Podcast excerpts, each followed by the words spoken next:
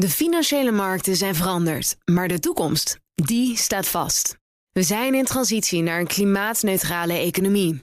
Dit biedt een van de grootste investeringskansen van onze generatie. Een kans voor u om mee te groeien met de pioniers van morgen. Meer weten? Ga naar carbonequity.com. Carbon Equity. Do good by investing better. Hoe zouden aangescherpte regels voor de gamesector in China impact kunnen hebben op tech-investeerder Proces en de beurskoersen van bouwbedrijven zijn in 2023 opmerkelijk veerkrachtig gebleken. Dat en meer bespreek ik in het beleggerspanel met Wim Zwanenburg van Stroef en Lemberger en Jean-Paul van Oudheus, de eigenaar van Markets Are Everywhere, marktanalist bij eToro. Welkom heren. Welkom. Met uh, ook in het nieuwe jaar hopelijk veel nieuws. Jullie eigen nieuws om mee te beginnen, Jean-Paul. Dat gaat in jouw geval ook over ASML.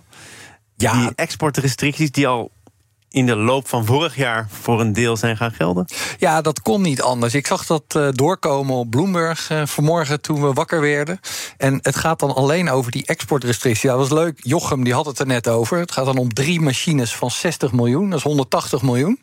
Maar vlak voor de kerst hebben ze in ASML een mega-order gekregen van Intel... voor die allernieuwste high-NA EUV-machines. Ja, dat gaat over 6 keer 300 miljoen. Dus ja, daar hebben ze gewoon een deeltje mee gesloten in Amerika. En uh, we hebben daar vaak altijd kritiek op, van het beperkt ASML. Maar ik denk dat Nederland en ASML dat daar heel goed onderhandeld hebben. Maar dit gaat eigenlijk nergens over, zeg je? Die drie machines nou, die het gaat niet ergens over. We willen het allemaal... een signaal van uit? Nou, het, het, is geen nieuws. We willen het wel weten, maar uh, het zijn kleine aantallen. En het gaat natuurlijk op het lange uh, plaatje. Peter Wenning, CEO van ASML, heeft altijd gezegd... van als ik ze niet in het ene land verkoop... verkoop ik ze wel in het andere land. Nou, daar lijkt het nu wel heel duidelijk op... als je ziet wat er naar Amerika gaat. Jochem had het ook over nut en noodzaak van die exportrestricties. Als China ergens aan wil komen, dan lukt dat wel via bevriende landen. Zonder hier een geopolitieke analyse te verwachten. Maar heeft het überhaupt de zin, die restricties? Ja, ik ben het daar uh, deels mee eens. Kijk, uh, in principe is het natuurlijk wel zo dat als je iets op de ene hoek van de straat niet kan krijgen, dan haal je het wel in een ander land. Met die hele gecompliceerde machines, waar je toch ook het liefst nog wat onderhoud bij hebt, ligt dat denk ik toch wel wat anders. Dus uh, daar moet je niet te makkelijk over doen. Als ze die machines niet integraal gewoon bij de leverancier kunnen krijgen, wordt het moeilijk om ze op grote schaal aan de praat te krijgen. Wim, toch ook nog even jouw reactie. 2 januari, nu dit bericht rond ASML, wordt het een beetje opgepompt? Ik denk opgepompt. Het is 2 januari, dus we zoeken naar nieuws. En dat doet Bloomberg ook. Je moet het inderdaad in het bredere perspectief zien. We hebben het afgelopen jaar ook gezien bij Nvidia. Die werd ook getroffen door exportrestricties naar, naar China. Uh, voor de eigen chips en apparatuur. Nou, daar bleek met een kleine aanpassing toch wel uh, de zaak wat te omzeilen. Wat minder de allernieuwste technologie leveren. De marktposities die zijn dominant. En dat geldt eigenlijk over ASML. Ik bedoel, op de totale ordeportefeuille stelt het eigenlijk relatief weinig voor. En die is voor, nou, zou ik zeggen, de komende jaren nog uitverkocht. Nou, er is wel inmiddels een reactie van een woordvoerder van het uh, Chinese ministerie van Buitenlandse Zaken. Namelijk, Nederland, let op wat je doet. Het is in ons beider belang om uh, goede relaties te ja. onderhouden. Dit kan is dan een mogelijke haar in de soep. Nou, die kan ik ook wel uh, begrijpen. Natuurlijk, uh, China ziet dat. En, en die ziet dat uh, ja, de Amerikaanse, de, de, ook de Biden-administration... en straks wie weet, Trump enzovoort... dat die tracht natuurlijk invloed uit te oefenen op andere landen. En dat probeert China terug te duwen. Dus dat is ook een vrij logische reactie. ja, wat dat betreft is het geopolitiek ja, gekrakeel. En daar zullen we dit jaar toch zeker nog wel last van hebben als beleggers. Wat niet meer terug te duwen is, dat is de brexit. De driejarige nee. verjaardag ja. was onlangs een feit. Er is ja. een enquête uitgevoerd onder de Britten. Die nu in meerderheid zeggen twijfel te hebben over die Brexit. Of in ieder geval ja. nut en noodzaak te betwisten. Ondertussen is, ik meen in de laatste week van vorig jaar 2023, onderzocht hoe die Amerika of eh, Britse economie er nu werkelijk voor staat. En of dat een beetje perspectief biedt. Wat is het antwoord? Nou ja, volgens de lange termijn inschattingen van het Center for Economics and Business Research. Dat is dan uh, een van die economische onderzoeksbureaus. Maar als je dieper gaat graven in de, in de achtergronden in het Verenigd Koninkrijk, dan zie je toch wel dat dit een bureau uh, wat altijd al wel vrij pro-Brexit was. En ook uh, gelieerd aan de conservatieve partij. Maar die, uh, uh, ja, die voorspellen dat de komende jaren, en maar dan hebben we het wel echt over de lange termijn, 2038 en we zitten nu nog maar in 2024, dat dan toch de economie in het Verenigd Koninkrijk, zeg maar, eh, die van Duitsland en van de eurozone voorbij gaat uh, streven. Eurozone als geheel niet, maar wel qua, qua groei. En uh, nou ja, dat dan op wereldslange ranglijst toch in ieder geval het Verenigd Koninkrijk beter uitkomt. Het probeert een hart onder de riem te steken, want ze worstelen daar natuurlijk ook met dezelfde issues waar wij ook last van hebben, wel of niet immigratie. Daar is de Verenigd Koninkrijk ook nog restrictiever op, op, op geworden, notabene vaak dan. Uh, dan dat was ook een voedingsbodem voor de Brexit natuurlijk. Uh, nou, en uh, ja, waar ze ook mee worstelen is dat ze de productiviteit niet omhoog uh, kunnen krijgen. En wat ze hebben gezegd van ja, we willen van het Verenigd Koninkrijk een vrijhandelszone maken. En ook van Londen een financial center. Kijken we nu naar de ontwikkelingen van het laatste jaar, dan zie je toch dat ook bijvoorbeeld bij nieuwe beursintroducties en emissies bedrijven vaak toch voor New York of zelfs voor Frankfurt hebben gekozen boven Londen. Is niet wat dus, daar gezegd wordt, hè? Daar zeggen ze juist Londen blijft die aantrekkingskracht houden als ja, financieel centrum. Dat nou ja, dat is voor een deel zo. Maar ik, uh, ik eh, zet toch wel hele grote vraagtekens bij deze lange termijn uh, voorspelling. Die is denk ik toch ook politiek gekleurd. En duidelijk ook door de conservatieven in, ingegeven. Terug naar China. De koers van Prosus ging eind vorig jaar, eind december, flink onderuit door nieuwe, strengere Chinese regels voor online gamen. Chinese techconcern Tencent werd hard getroffen. En dat raakte ook investeringsgroep Prosus met een groot belang in Tencent nog altijd. En sinds die regels zijn aangekondigd en ook weer enigszins afgezwakt lijkt te zijn, is Prozus weer een winnaar op de beurs. Jean-Paul, hoe verklaar je dat? Gekhuis. Ja, hoe verklaar je dat? Nou ja, de koers van uh, Prozus, het is een beetje saai... maar die volgt gewoon de koers van Tencent. Dat vinden ze niet leuk bij Prozus om te horen... maar het hele vorige jaar was dat zo. Dus uh, ja, op het moment dat in China Tencent flink onderuit ging... Uh, ging Prozus dat ook. Ja, en nu komt dat het bericht dat ze zeiden... oeh, we hadden het niet zo heel erg bedoeld. Ja, dan veert het allemaal weer op. Ja, we hadden het niet uh, zo bedoeld, omdat die Chinese overheid, de partij ook wel doorhad dat het op die manier een groot Chinees bedrijf raakt? Of hoe, hoe is deze nou ja, miscommunicatie in de wereld geholpen? Ja, ik denk dat ze daar niet zo goed uh, over nagedacht hebben. Kijk, in China beleggen is altijd... Je, je moet meebeleggen met de Chinese overheid. Nou, wat wil de Chinese overheid? Die wil, hè, die zien uh, een, een, een enorme vergrijzing aankomen in de loop der jaren. En die willen dat mensen productief bezig zijn, het liefst werken aan producten van hoge technologie. Ja, al dat soort dingen is wat Tencent niet doet. Dus um, ja, dat ze uh, daar een beetje een, een, uh, een, stok tussen de wielen steken. Uh, ja, dat is niet helemaal onverwacht, maar dat raakt beleggers wel. En je zegt, ze vinden het bij Proces niet leuk om te horen. Maar het is al jaren zo dat Proces aan een koordje hangt met Tencent verbonden. Ze proberen ook al wel, maar het gaat met muizenhapjes dat belang een beetje af te bouwen, geloof ik. Nu van 26 naar 25 procent. Maar gaat het goed met Tencent, gaat het goed met Proces? Het is niet anders. Het is op dit moment wel. Je ziet inderdaad dat ze die afhankelijkheid... Kijk, ze hebben er natuurlijk gloriejaren mee gehad. Want uh, die Koos Becker bij Prozis, bij Nespers eigenlijk... die heeft dat, geloof ik, in 2001 of zo gekocht. Nou ja, dat is nu voorzitter van de Raad van Commissarissen. Enorm uh, vooruitziende blik.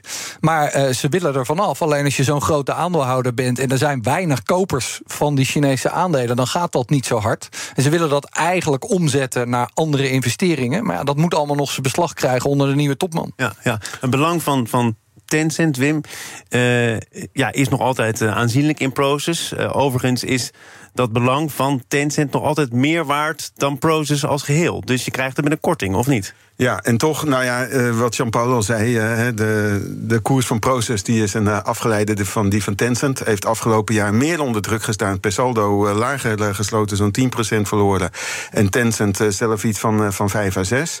Ja, het wordt toch vooral bepaald door Tencent. En in een minder mate door die grote geldzak en al die uh, investeringen in uh, e-commerce uh, platforms die Proces ook heeft, heeft gedaan. En ja, ze zeggen wel van je moet Proces kopen, want dan koop je eigenlijk Tencent met een discount. Hè, ook vanwege het conglomeraat enzovoort. Nou ja, ik zou toch liever voor het origineel gaan, meer transparant enzovoort. En Proces staat er toch op zichzelf niet heel slecht voor. De resultaten verbeteren. Ze hebben ook gezegd, benadrukt dat ze voor die platforms dit jaar al uh, meer de winstgevendheid in, eh, in het vizier krijgen. Terwijl dat eerder voor 2025 werd gesteld. Dus naar 2024 wordt vooruitgehaald. Maar dat en ze dan hebben opdrachten... eigen aandelen ingekocht. Ja. Dus, uh, Ligt ook behoorlijk op stoom, begrijp ik. Maar de, de opvolger van Bob van Dijk, die vorig jaar opstapte, voor velen toch nog enigszins onverwacht. Dat is meneer Toe, geloof ik. Ja. Die zei over de investeringsportefeuille... die portefeuille vereist nog veel werk. Het rendement is niet goed genoeg voor ons en ook niet voor onze aandeelhouders. Dat hoe, is gaat dat precies dan, ook. hoe gaat hij het strak trekken dan? Nou ja, wat dat betreft, eh, dat zou ik ook zeggen. Eh, als je kijkt naar alle platforms, eh, bijvoorbeeld de bezorgdiensten enzovoort. Het is wel new economy, maar het is niet allemaal direct enorm winstgevend. Er valt veel aan te verbeteren. Kijken of daar eventueel nog met AI nog eh, bij, te, bij te sturen. Maar eerlijk gezegd, ja, niet alles wat new economy of digitaal wordt genoemd, is ook daadwerkelijk zeg maar, van een exponentieel karakter. Waarbij je eigenlijk zegt van door de distributie van internet dalen je marginale kosten. En iedere dollar of iedere euro eh, omzet is dan ook extra winst. En dat is niet voor al die investeringen waar Proces in zit. Dus eh, wat dat betreft, eh, ja, er is nog veel werk aan de winkel om die investeringsportefeuille naast de Tencent recht te zetten. Ja, wat, wat hou je en dan als het over belang en gaat wat niet? afnemen. Want, want, want dat is de, de opdracht van de opvolger van Bob van Dijk. Na tien jaar CEO opgestapt. Die moet nu toch ook het gedeelte naast Tencent proberen tot bloei te brengen. Hoe ga je dat doen? Ja, die, die Erwin Tour is wel een interessant persoon om te volgen. Dat is wel waar je als, als Prozus-belegger je hoop op kan vestigen. Hij komt over van Softbank. Die hebben dat Vision Fund, technologiefonds. Elk bericht wat je over die meneer Tour leest... is dat hij betrokken is geweest bij de investeringen in ByteDance... van TikTok en van eh, Uber. Die hebben het natuurlijk allebei heel goed gedaan. Ja, wat je wil is dat hij een gelukkige hand heeft. En dat hij de goede bedrijven weet te selecteren. Eh, en dat hij dan ook deals weet eh, te maken. Dat ze mee mogen doen. Ja, hij zal niet helemaal tevreden zijn over de portefeuille die hij heeft eh, geërfd. Ja, en dus wordt het kijken wat dus ook daadwerkelijk zijn daden worden. met de portefeuille die hij heeft. Want als de rente nou een beetje gaat dalen. zitten natuurlijk vrij veel jonge bedrijven in. Dan komt daar misschien wat meer lucht.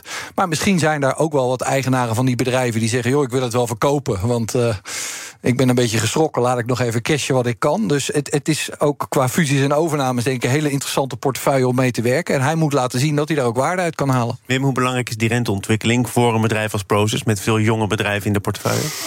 Eh, nou, het, wordt, mm, eh, het sentiment wordt ook door de rente bepaald. Maar eigenlijk de, de financieringsvorm is vaak eh, minder rente en financieringskosten gebonden. Dus eh, er worden extra aandelen uitgegeven enzovoort. Maar de rente is wel voor het algemeen klimaat van, eh, van belang. Over dat algemene klimaat in 2024 en de rol van de rente spreken wij zo meteen. Maar eerst. Zaken doen. Thomas van Zeil. Praat ik met de leden van het beleggerspanel Wim Zwanenburg en Jean-Paul van Oudheusden over bouwaandelen. Daar gaat het niet heel vaak over op deze plek, maar hoewel de bouwsector vertraging ondervindt, vertonen beurskoersen van bouwbedrijven ook in Nederland zich opmerkelijk veerkrachtig. In Amsterdam doen bouwaandelen het dit jaar zelfs beter dan overige small cap geïndexeerde fondsen. Hoe komt dat, denk jij, Jean-Paul? Ja, ik vond het een interessant onderwerp voor de eerste eh, beleggerspanel van eh, het nieuwe jaar. Eh, ja, ze doen het ietsje beter, niet heel veel. Als je kijkt naar de bouwbedrijven, dan moet je eigenlijk in Europa gaan kijken. Zo zie je in Spanje, nou eentje hebben we daar in Nederland van, hè, Ferrovial. Die doet het Ferrovial, beter dan, dan Heijmans en BAM. En maar ook, toch heel onbekend voor veel Nederlandse beleggers. ACS is natuurlijk interessant, van Florentino Perez, de bestuursvoorzitter van Real Madrid. Die hebben geloof ik, die stonden plus 78, Ja, zeker. dacht ik. Dus dat ging heel goed. Ehm, ja, de beurs kijkt altijd vooruit. Eh, en het is toch ehm, eh, dat ze zeggen van, nou ja, weet je, die small caps, die kleinere aandelen, die hebben het minder goed gedaan. Nu heeft Powell gezegd van het startschot gegeven van we kunnen gaan nadenken over renteverlagingen. Dat is dan weliswaar de VS, maar iedereen gaat ervan uit dat het in Europa ook zo zal zijn. En dan krijgen die kleinere aandelen die toch veel onder druk hebben gestaan, eh, denk ik wat lucht. Is niet denk ik iets specifieks wat nou met de bouwsector te maken heeft. Het is meer gewoon het algemene beurssentiment. Die bouwbedrijven worden overigens ook maar matig gevolgd, geloof ik, door analisten Wim. Of eh, iets waar jij als, we- als we kijken naar? BAM en, eh, en Heijmans, kijk, eh, wij zijn wat dat betreft, Jean-Paul en ik, een beetje alles kunnen, generalisten voor de, voor de beurs. Dus je kijkt ook naar wat specialisten, de, de mensen, die analisten, die typisch alleen maar een kleine portefeuille van beursgenoteerde bedrijven volgen. Eh, wat die zeggen, nou, en dan zie ik gewoon dat het aantal analisten is afgenomen. Dat is afgelopen jaren sowieso een trend voor eh, small caps. Ook door, eh, vind ik, in mijn ogen verkeerde eh, euro-regulering van, van MIFID enzovoort, MIFID 2. Maar specifiek voor deze aandelen, er zijn nog maar twee analisten voor beide bedrijven. Dus, nou, en daarna schrijft dan natuurlijk de financiële pers en ook beleggersbelangen erover. Perspectief perspectief lijkt nog redelijk goed te zijn, maar is natuurlijk uitermate onzeker. Maar het beeld wat net werd geschetst over small cap aandelen, die hebben de afgelopen twee maanden ook een hele forse inhaalslag gemaakt. Het is een wereldwijde beweging, zie je op de Amerikaanse en ook op de Europese beurzen. Dus daar hebben de bouwaandelen ook van geprofiteerd. specifiek die Nederlandse bouwbedrijven, die werden natuurlijk tot voor kort ook nog wel achtervolgd door spoken uit het verleden. Projecten die veel duurder werden, claims die nog uh, boven de markt hingen. Uh, de Fiat die met sommige van die bedrijven nog in de weer is. Precies, daarom vind ik die bouwbedrijven ook eerlijk gezegd een onaantrekkelijke categorie uh, aandelen voor, voor beleggers. Want zelfs de gerapporteerde winst die wordt achteraf nog betwist door allerlei claims. Meer en minder werk. Je moet bij deze... zeggen, veel van die bedrijven zijn wat risicoavers geworden. Die denken wel twee, drie keer na voordat ze weer in een ogenschijnlijk prestigieus project stappen. dat aan het einde van de rit nou, veel duurder is geworden. Dat is ook een punt waar je terecht op, op wijst. Het zijn niet alleen bouwprojecten, dus het is niet alleen de woningmarkt, maar ze zijn ook verbonden aan de investeringen aan de infrastructuur enzovoort. En ja, dan is de overheid helaas ook nog vaak een hele slechte opdrachtgever. Juist ook in tijden van recessie uh, knijpt de overheid deze bouwbedrijven ook vaak heel flink af. En ja, dan worden die, dan worden die projecten. Denken, nou, die bouwbedrijven. Dan, ja, dan worden die projecten mogelijk zelfs onder kostprijs aangenomen om maar de portefeuille gevuld te hebben en om, om eventueel te kunnen overleven. Dus ja, ik kijk ook voor het brede perspectief inderdaad wel af en toe een beetje naar grotere bouwbedrijven. Bouygues en uh, Vinci, maar dat zijn bijvoorbeeld ook weer niet pure plays, want die zijn behalve bouwbedrijf ook operator van tolwegen en, en dat soort uh, dingen. Uh, nou, dan heb je een constante stroom van inkomsten natuurlijk. Dat is het wel, hè? want zoals ik het begrijp, in, in de bouw wordt er tegenwoordig eigenlijk bijna alles extern ingekocht. Dus dan ben je een doorgeefluik. Die marges die zijn vrij dun. En als je wel gewoon assets bezit waar je rendement op kan maken, dat is misschien wel de manier naar Alleen ja, dan is Nederland wel klein. Kijk, als je kijkt naar de internationale ontwikkelingen, dan moet je eigenlijk dus meer naar het oosten kijken. Waar uh, vanaf uh, Istanbul en dan naar Japan toe, uh, Indonesië, die route, daar wordt enorm veel gebouwd. Maar ja, dat is de vraag of die Nederlandse bouwbedrijven daartussen kunnen komen. Ja, nou, jij zegt kijk naar het oosten. Ik zou zeggen go west, young man. dan kijk ik naar de Britse markt en ook de Amerikaanse markt. Een, een, een aandeel wat wij in Die Britse economie die gaat floreren de komende tijd. Nou, niet per se de Britse economie en niet ook per se de Britse woningmarkt. Maar uh, wat Jean-Paul ook uh, aanduidde, van, er wordt steeds meer uitbesteed. De flexibilisatie, ook de inkoop, inhuur van apparatuur. Grote machines die ook in de bouwindustrie en ook in infrastructuur, de bouw van woningen, van alles wordt gebruikt. En dan kan je kijken naar de spelers als US Rental of bijvoorbeeld Estet. Estet is op de Londense beurs genoteerd, maar is eigenlijk ja, de Amerikaanse onderneming Sunbelt. En daar zie ik wel wat betere perspectieven voor. Dus als we kijken naar de bouwmarkt markten enzovoort, is dat iets wat ik Oost, in de West, thuis niet zo best, begrijp ik. We gaan naar, in dit uh, geval. Het beleggerspanel is aanwezig met Wim Zwanenburg van Stroef en Lemberger... en Jean-Paul van Oudheusden van Marketer Everywhere en eToro. Ook in het nieuwe jaar op deze plek gewoon aandacht voor jullie laatste transactie. Wim, welke transactie wil jij eruit lichten? Ja, een van de laatste transacties die we gedaan hebben... is de verkoop van AB InBev en de aankoop van het aandeel Coca-Cola. We wilden toch wel binnen dezelfde sector blijven. Consumer staples, uh, dranken, uh, frisdranken, bieren... hebben het afgelopen jaar niet echt heel geweldig gedaan. Maar er zit toch wel wat perspectief nog in Coca-Cola, ondanks dat ook hier en daar de suikertax wordt ingevoerd. Maar de biermarkt in de VS met name, en dat is toch de grootste markt voor ABM, Bev, Anheuser-Busch die heeft afgelopen jaar fors geleden onder die boycott van uh, Bud Light. Koers heeft zich uh, daarna toch wel wat hersteld. Maar de totale biervolumes die uh, lopen ook terug. Maar zijn al lang toch? Het zijn wat meer de ambachtelijke bieren en buitenlandse bieren. Modelo is speciaal bijvoorbeeld. Dat wordt gedistribueerd door Constellation Brands. Wat we overigens ook in portefeuille hebben. Dus we hebben daar de bakens wat, wat verlegd. Maar je haalt zelf al die suikertax aan van Coca-Cola. Uh, Of in ieder geval waar Coca-Cola ook mee te maken zal krijgen. Waarom is Coca-Cola dan interessanter dan AB InBev? Nou, toch wel uh, wereldwijd echt een van de, nou, ik zou bijna zeggen allersterkste merken met heel veel uh, uh, uitstraling. En uh, ze passen zich ook inderdaad aan hè, met de zero suiker variant enzovoort. Dus ja, wereldwijd een van de sterke merken. Ja. En uh, ja, we zien daar toch ook een uh, gestage winstgroei. En eigenlijk dat de koers daar de afgelopen jaren wel behoorlijk bij is achtergebleven. Jean-Paul, jij was hier niet zo gek lang geleden om iets te zeggen over je laatste transactie. Daar is nog niet zo heel veel bijgekomen of veranderd? Nee, ja, dat, ik was hier vlak voor de kerst nog. Toen hadden we het over een obligatie-ETF. Uh, eh, sindsdien heb ik ook even een beetje rustig aan Beetje kerst gevierd. Maar het aandeel om er even uit te lichten... is wat mij betreft wel Intel. Uh, vorig jaar veel over uh, gehad. En ik geniet van het momentum rondom dat aandeel. Want uh, ja, dat wordt een beetje eigenlijk het hele vorig jaar, uh, nou, in ieder geval het begin van het jaar weggehoond. Want die hebben de slag gemist. Ja. Uh, lagen heel erg onder vuur. Maar ze zijn nu aan het doorpakken. En dat zie je dus ook, die grote order die ze bij ASML hebben bestaat, besteld, geplaatst. dat ze TSMC en Samsung, die zien ze daar voor zich. En die willen ze inhalen. En ze gaan een soort alles of niets poging doen om te zorgen dat ze weer aan de voorlinie staan. Maar was de hoon van eerder vorig jaar dan niet op zijn plek? Of was er toch wel reden om te denken dat Intel inderdaad niet bepaald in de voorste waaier van het peloton zou zitten? Uh, absoluut. Uh, en dan gaat het dus om een topman die zegt van... nou, moest luisteren, het is een uh, enorme klus, maar ik ga het doen. En die probeert dan de mensen mee te krijgen. Wordt natuurlijk enorm geholpen door de subsidies... die er door de Amerikaanse overheid worden geremd. Maar dan nog, hè, dan moet je het wel allemaal plannen, doen, uitvoeren. Uh, heel druk programma in een aantal jaar. En voorlopig ja, lijkt het op dit moment de goede kant op te gaan. Als het dan, Wim, ik zie dat ik jou toch een reactie ja, moet kleine kanttekening. Ja, kanttekening nee, inderdaad. Nou, Intel heeft wel zeker momentum, want uh, we weten natuurlijk allemaal dat die uh, chipproducenten, met name Nvidia, dat heeft het heel goed gedaan. Dat is drie keer over de kop gegaan, maar een uh, rendement van Intel van 95% bijna valt ook niet te verwaarlozen. Maar daarmee is het wel door het koerspotentieel van analisten heen geschoten.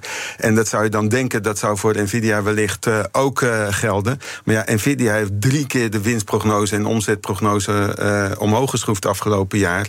En daar zien analisten toch nog uh, meer dan 30% koerspotentieel in het verschiet liggen. Wel bij en AI is, Intel is maar net begonnen. een beetje uit, zeg je? Nou, Intel doet ook hele forse investeringen, wat Jean-Paul noemt. Hè. Ze doen investeringen zowel in Duitsland als ook in de VS. Hè. Ze profiteren Israël. daarmee ook van die Inflation ja, Reduction deal in Israël redelijk recent ja. nog, hè, vorige week uh, aangekondigd. En net als AMD, Intel probeert natuurlijk toch een beetje in te haken... op die grote golf van uh, artificial intelligence, maar het is veel uh, breder. Maar wat is dan je kanttekening? Nou ja, dat het best wel geweest is nu. Dat ik denk dat Intel ja, is een beetje een turnaround kandidaat... terwijl natuurlijk veel mensen hebben wat hoogtevrees bij Nvidia, dat al drie keer over de kop gegaan is.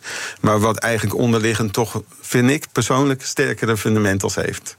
Reactie? Ja, de fantasie bij Intel is dat ze gewoon een grote vis aan de haak moeten slaan. Uh, Jensen Huang van Nvidia heeft al een keer gezegd: van joh, wij doen nu veel zaken met TSMC. We zouden best wel een beetje willen diversificeren. Op het moment dat blijkt dat die chips die er bij uh, Intel vandaan komen goed genoeg zijn. en ze tekenen een groot contract, ja, dan staat de koers van het aandeel niet waar het nu staat.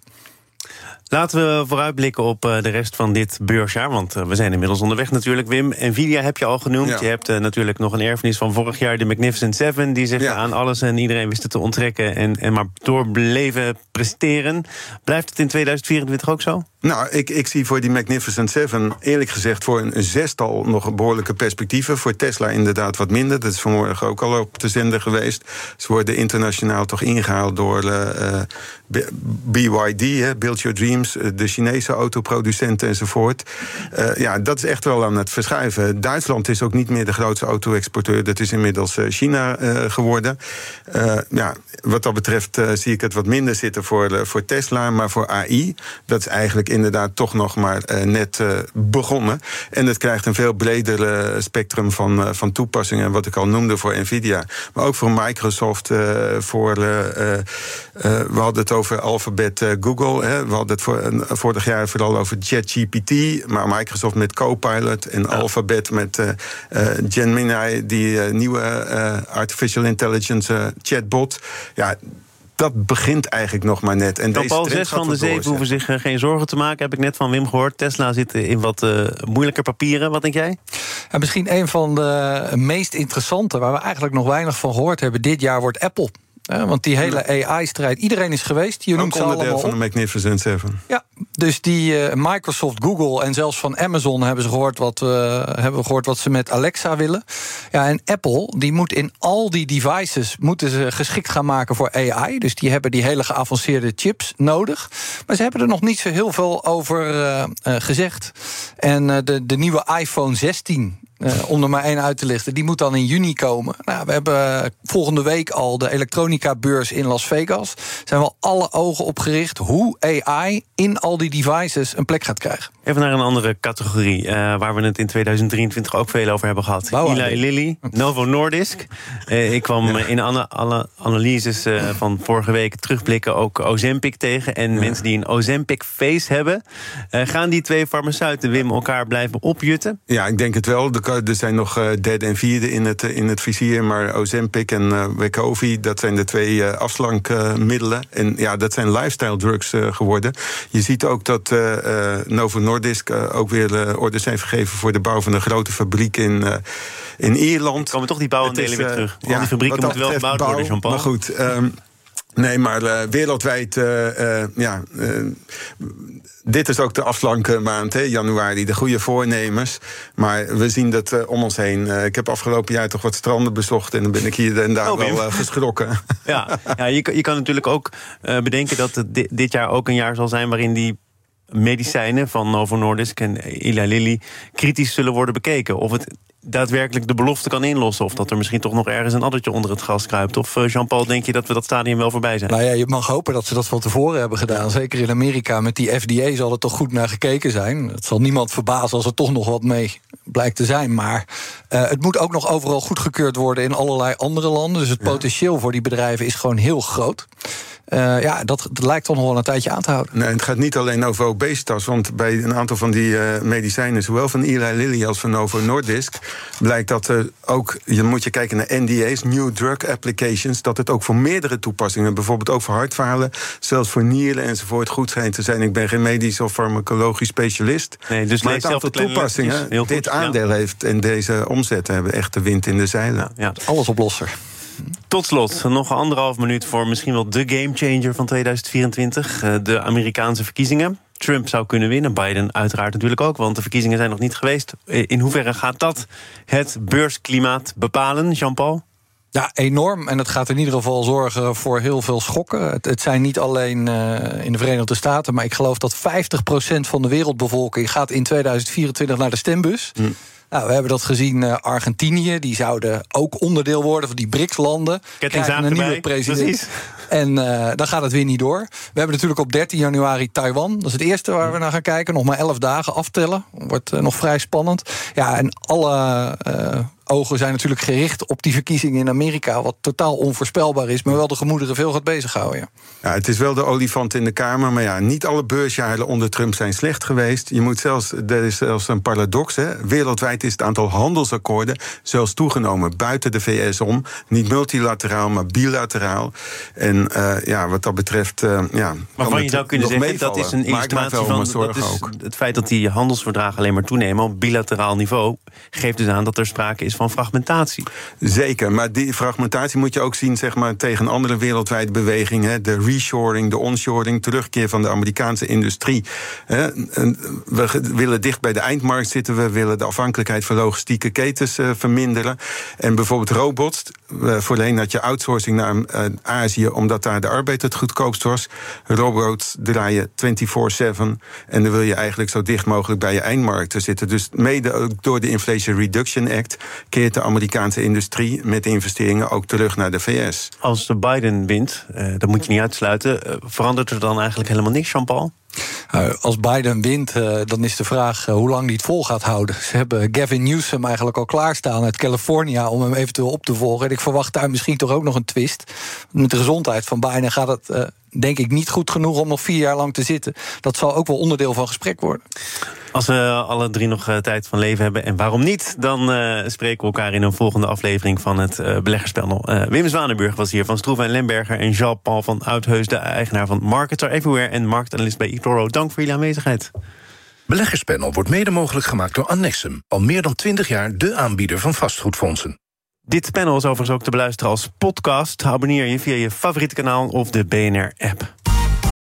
De financiële markten zijn veranderd, maar de toekomst, die staat vast. We zijn in transitie naar een klimaatneutrale economie. Dit biedt een van de grootste investeringskansen van onze generatie.